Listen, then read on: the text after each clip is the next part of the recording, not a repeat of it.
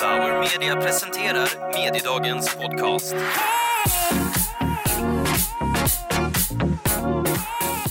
Hej och välkommen till Mediedagens podd som presenteras av Bauer Media. Jag heter Daniel Osassi och idag ska vi träffa inspirerande talare på Dagens Medias event Mediedagen. Och nu sitter jag här i Bauer Media studio och framför mig har jag, vem då? Jens Velin. Jens, vart jobbar du någonstans? Jag jobbar på Nord DDB sedan åtta veckor tillbaka. Wow, grattis! Tack. Innan dess så bodde du i USA? Ja, jag var fyra år i Chicago och jobbade för mediebyrån Starcom på den amerikanska marknaden. Hur var det att som svensk flytta till USA och jobba med media i USA? Vad, liksom, vad är den största skillnaden? Den största skillnaden är storleken. Allting är 30 gånger större. Så att om jag hade haft ett team i Sverige på fyra personer så var det liksom 30 gånger större där. Det är Så helt att, galet. eh, Och budgeten är större? Ja, det är de. Så att eh, en av mina kunder, Best Buy, som eh, ja, som ett Elgiganten, hade Ja. en budget på nästan 5 miljarder kronor. Det är galet. Och eh, det här är en fråga som jag tänkt på. USA är väldigt stort, men det finns också olika, eh, tyvärr, eh, för i Sverige så är, ju, har ju, är det så jämlikt. Vi pratar ju väldigt sällan om, om eh, för såna generiska produkter pratar vi väldigt sällan om överklass eller medelklass. Men i USA så finns det ju en stor eh, det finns en stor medelklass men också människor som är fattigare. det finns en stor mångfald. Ja, Eh, Och det är inte bara i ekonomi Nej. utan det är också i hela det urbana kontra landsbygd. ja. Eh, där du har de tio största städerna i USA är ett eget egentligen område för marknadsförare att tänka på. För de har mer likheter än vad de städerna har med sin stat de befinner sig i. Så att de som är på landsbygden där är väldigt annorlunda än de i storstan. Och sen har du det mångkulturella. Alltså någonstans runt eh, 2030 så kommer ju det vara någonstans runt 30 procent av befolkningen är spansktalande och har då hispanic andra, första, andra eller tredje generationen. Det är en stor förändring mot vad det är, eh, så att säga, har varit historiskt. Och någonstans där runt eh, 2035 eller 2040 så kommer ju mindre än hälften av befolkningen vara vit. Så det, det finns många stora skillnader på den amerikanska marknaden och med mängden 330 miljoner människor så innebär det att eh, det är tillräckligt stora grupper för att marknadsföra sig specifikt mot dem. Ja, verkligen. Och det är det som jag kan tycka att i, i svensk, svenska marknadsförare har inte riktigt knäckt koden i hur man kan eh, styra eller eh, kommunicera mot nysvenskar. Medan jag tror att i USA måste man ju tänka på det på ett helt annat sätt. Man måste ha budskap på spanska, man måste ha... Ja, men ska jag vara helt krass så tycker jag att vi, vi, eh, trots att USA har kommit längre så var man väldigt banala i, i många sätt. Eh, Jag jobbade med ett varumärke som sålde tequila och eh, där är ju då hispanic en väldigt stor målgrupp och trots det så gjorde vi inte så mycket annonsering på spanska i spanska kanaler, till exempel tv-kanaler. Och när jag ställde frågan varför gör vi inte det här, det, för mig så känns det ju som en Ja. Liksom low hanging fruit. Ja. Och då sa de, nej men vi, vi, vi är ju liksom ett amerikanskt företag och det här varumärket, vi vill inte att det ska uppfattas som ett mexikanskt varumärke. Nej. Det spelar ingen roll, liksom. Nej. det är ju bara att vara relevanta för människor Ja, och, och nå in till deras hjärta. Och så började vi göra det. Och sen började vi göra det för deras bourbon som var väldigt amerikansk produkt, Jim Beam. Och det blev på spanska, spanska kanaler och det tog ordentlig fart. ja. Så det visade just det här att det är små steg. I Sverige så är vi ju 10 miljoner människor och, om vi tar så att säga alla med invandrarbakgrund så kanske det är 2 miljoner eller någonting liknande då, om vi tittar på första, andra, tredje generation. Mm. Och då, det är fortfarande ganska liten mängd människor för att göra stora reklamkampanjer. Men det ger oss möjligheter nu framöver när vi har 300-400 000 nyanlända att tänka på den gruppen. Mm. Dels hur vi får in dem i samhället med hjälp av reklam som kanske vänder sig till dem så att de känner sig välkomna. Men också de kulturella så att säga, skillnaderna som finns där att plocka in det. Sjukt spännande Jens. Finns, var det någonting annat du tog med dig från, från USA? Liksom nå- någon typ av insikt i- eller så som, som du kan applicera på den svenska Ja, jag tycker att eh, i USA så var man väldigt styrd av att mäta saker och ting innan det går ut. Alltså, det blev lite trist reklam. I Sverige så är marknadsförarna mycket mer modiga, går lite mer på sin magkänsla, det här känns bra. Och när man gör emotionell reklam så är det så viktigt att man vågar lita på känslan. Och det tyckte jag att de var sämre på. Sen när det kommer till data Mm. så, och teknologi så låg de kanske tre år före oss där vi är just nu. Så att eh, vi är på väg ett stort genombrott nu i Norden att börja jobba mer med personaliserade budskap för att vi har data som vi nu börjar strukturera, börjar tvätta och börjar få på plats och snart kan vi börja jobba med den och få till lite bättre reklamkampanjer. Mm. Men där var USA för fyra år sedan så att, att vara med om den förändringen var en jätteviktig grej för mig för att mm. lära mig faktiskt vad som fungerar och inte fungerar. Kan inte du ge oss några exempel på eh, så smarta sätt att jobba med data som ni gjorde i Ja, äh, till exempel så, eh, jag kan börja med från spritkategorin, mm. så var det så att vi hittade ganska mycket datapunkter på människor som visade intresse för rom. Och vi har ett varumärke som heter Crucian som är då en rom. Och eh, då tog vi alla de datapunkterna och byggde ett målgruppssegment, gjorde tvillingar på dem och sen köpte vi det med hjälp av, eh, alltså i TV lyckades vi, när man tittar på digital TV, digital video, ja. så lyckades vi då hitta de här grupperna. Så trots att vi hade en, en minimibudget kunde vi göra tv-reklam mot de som är kallade för vår romälskarna mm. och eh, gjorde det för Crucian. Och det fick fäste och de började så att säga köpa mer av varumärket. Så trots att det var små insatser så visade det att, uh, att var, använda precisionen ja. var viktig. Och, eh, det är ett jättebra exempel och väldigt konkret och, så här, och det är tacksamt att få höra om ett exempel som verkligen inte bara är luddigt och data utan det är väldigt så här, tydligt. Och jag skulle säga så här, eh, det där kan ju svenska marknadsförare göra idag med kanske hjälp av Facebook och man kan göra styrningar och så kan man mm. skapa tvillningar och, eh, och så kan man köpa det kanske programmatiskt, eh, mm. videoannonsering. Så jag skulle säga att det går att göra i Sverige men det som då en svensk marknadsförare skulle säga till dig Jens, om man skulle göra det här planen, det är så här, det skulle bli för smal målgrupp. Det skulle bli för nischat. Mm. Eh, det, skulle inte ge, det skulle inte slå ut någon effekt i beställningssortimentet på Systembolaget om vi skulle gå så eh, nischat. Det är bättre för oss att skjuta brett, man 25 plus 30 plus. Så. Men, men, men, Jag ska bara säga emot det där, ja. för att just där du eh, använder som exempel nu, ja. så är det så att på Systembolaget så fungerar det så att de tar in produkter i sitt sortiment som säljer och då kan det vara så att ett visst varumärke, ett vinvarumärke, har kanske inte så mycket försäljning just i Täby. Och i Stockholmsregionen kan det vara så att de riskerar att åka ut då ur den här liksom A-listningen som jag tror att det kallar det för att de säljer lite dåligt. Då kan du med hjälp av data alltså faktiskt vända dig till eh, vinintresserade i Täby genom att använda en geografisk så att säga, eh, filter mm. på att det är bara där du vill uppträda och lyckas få dem då att börja köpa det här vinvarumärket och behålla positionen på hela nationella Systembolaget. Mm. Så att den här precisionsmarknadsföringen går faktiskt att göra redan idag.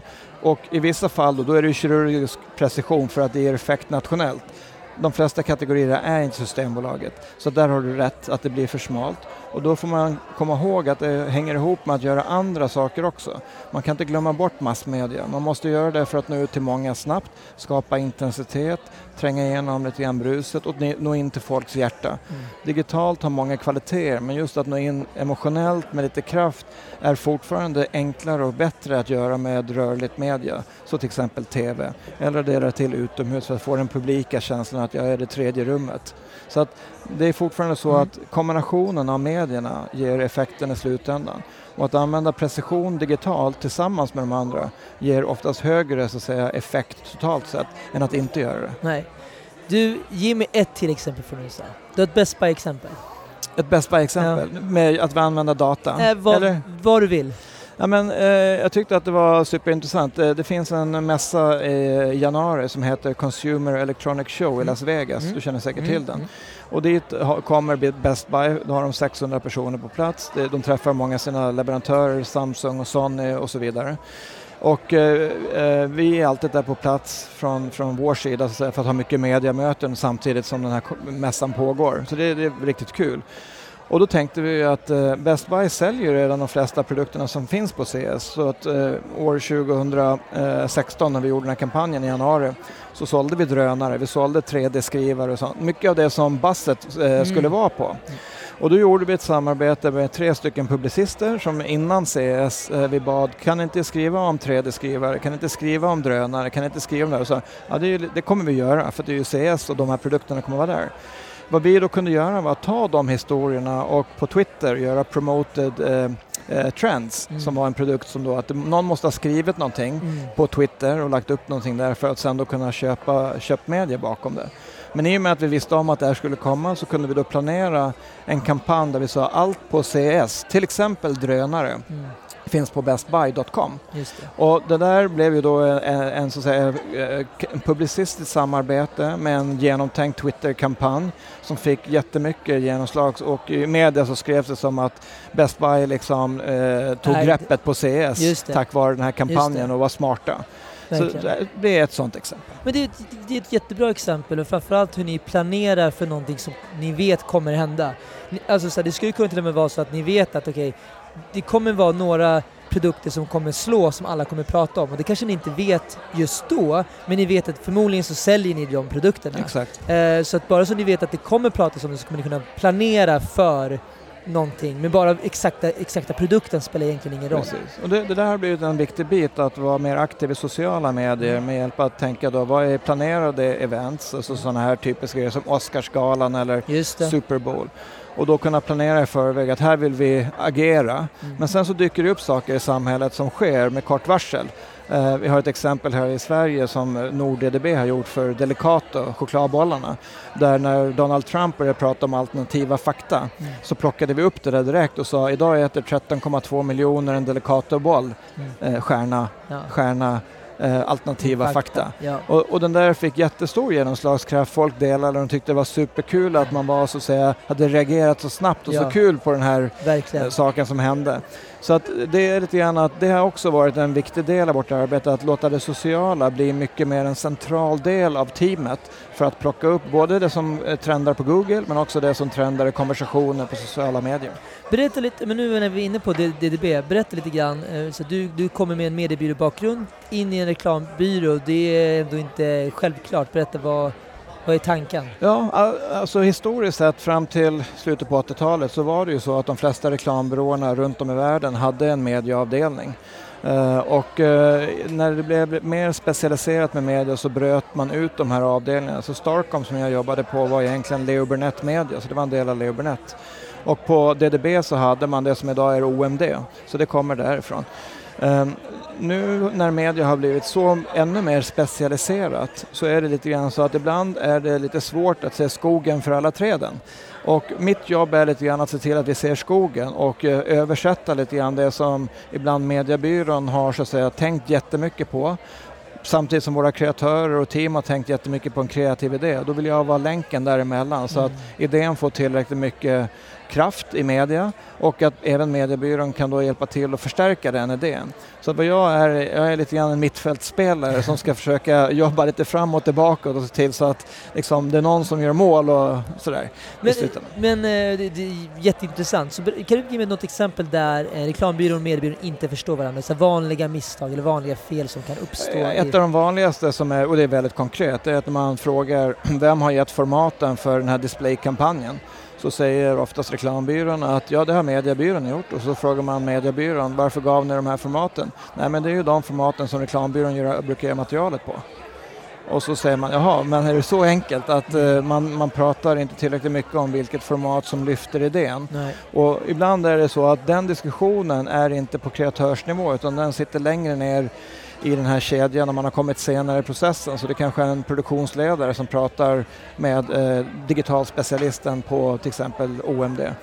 Och då ibland glömmer man bort att lyfta upp frågan. Så att därav så finns det några sådana här quick wins, är liksom att Ja. vara tydligare.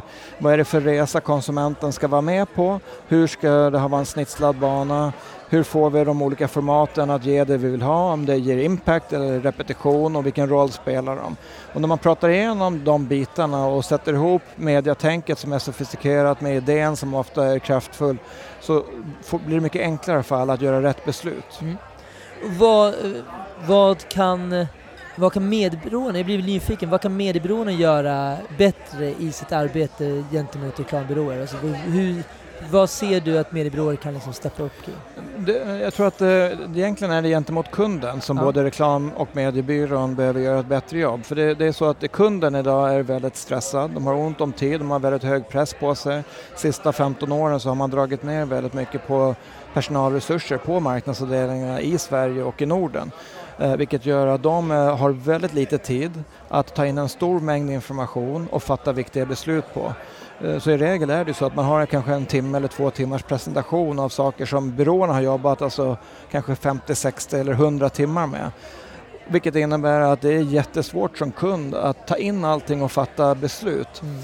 Och där i så måste man tänka på att göra det enklare för kunden att förstå vad är de viktigaste insikterna? Varför är den här idén så relevant och stark? Och hur ska man liksom mäta effekten i efterhand för att se att det här blir bra? Hur passar den kreativa idén in i den här resan som vi vill att konsumenten ska gå igenom? Och då blir vi mer holistiska eh, om man då samarbetat inför en sån presentation. Man kan fylla på för varandra och känna att det inte är liksom en silo här där mediebyrån bara pratar media, reklambyrån bara pratar reklamen utan man får lov att ge och ta lite grann. Den typen av samarbeten förekommer idag och många kunder tycker att det är väldigt, väldigt bra men jag tror att det kan bli fler sådana. Grymt! Stort tack! Tack själv! Ja.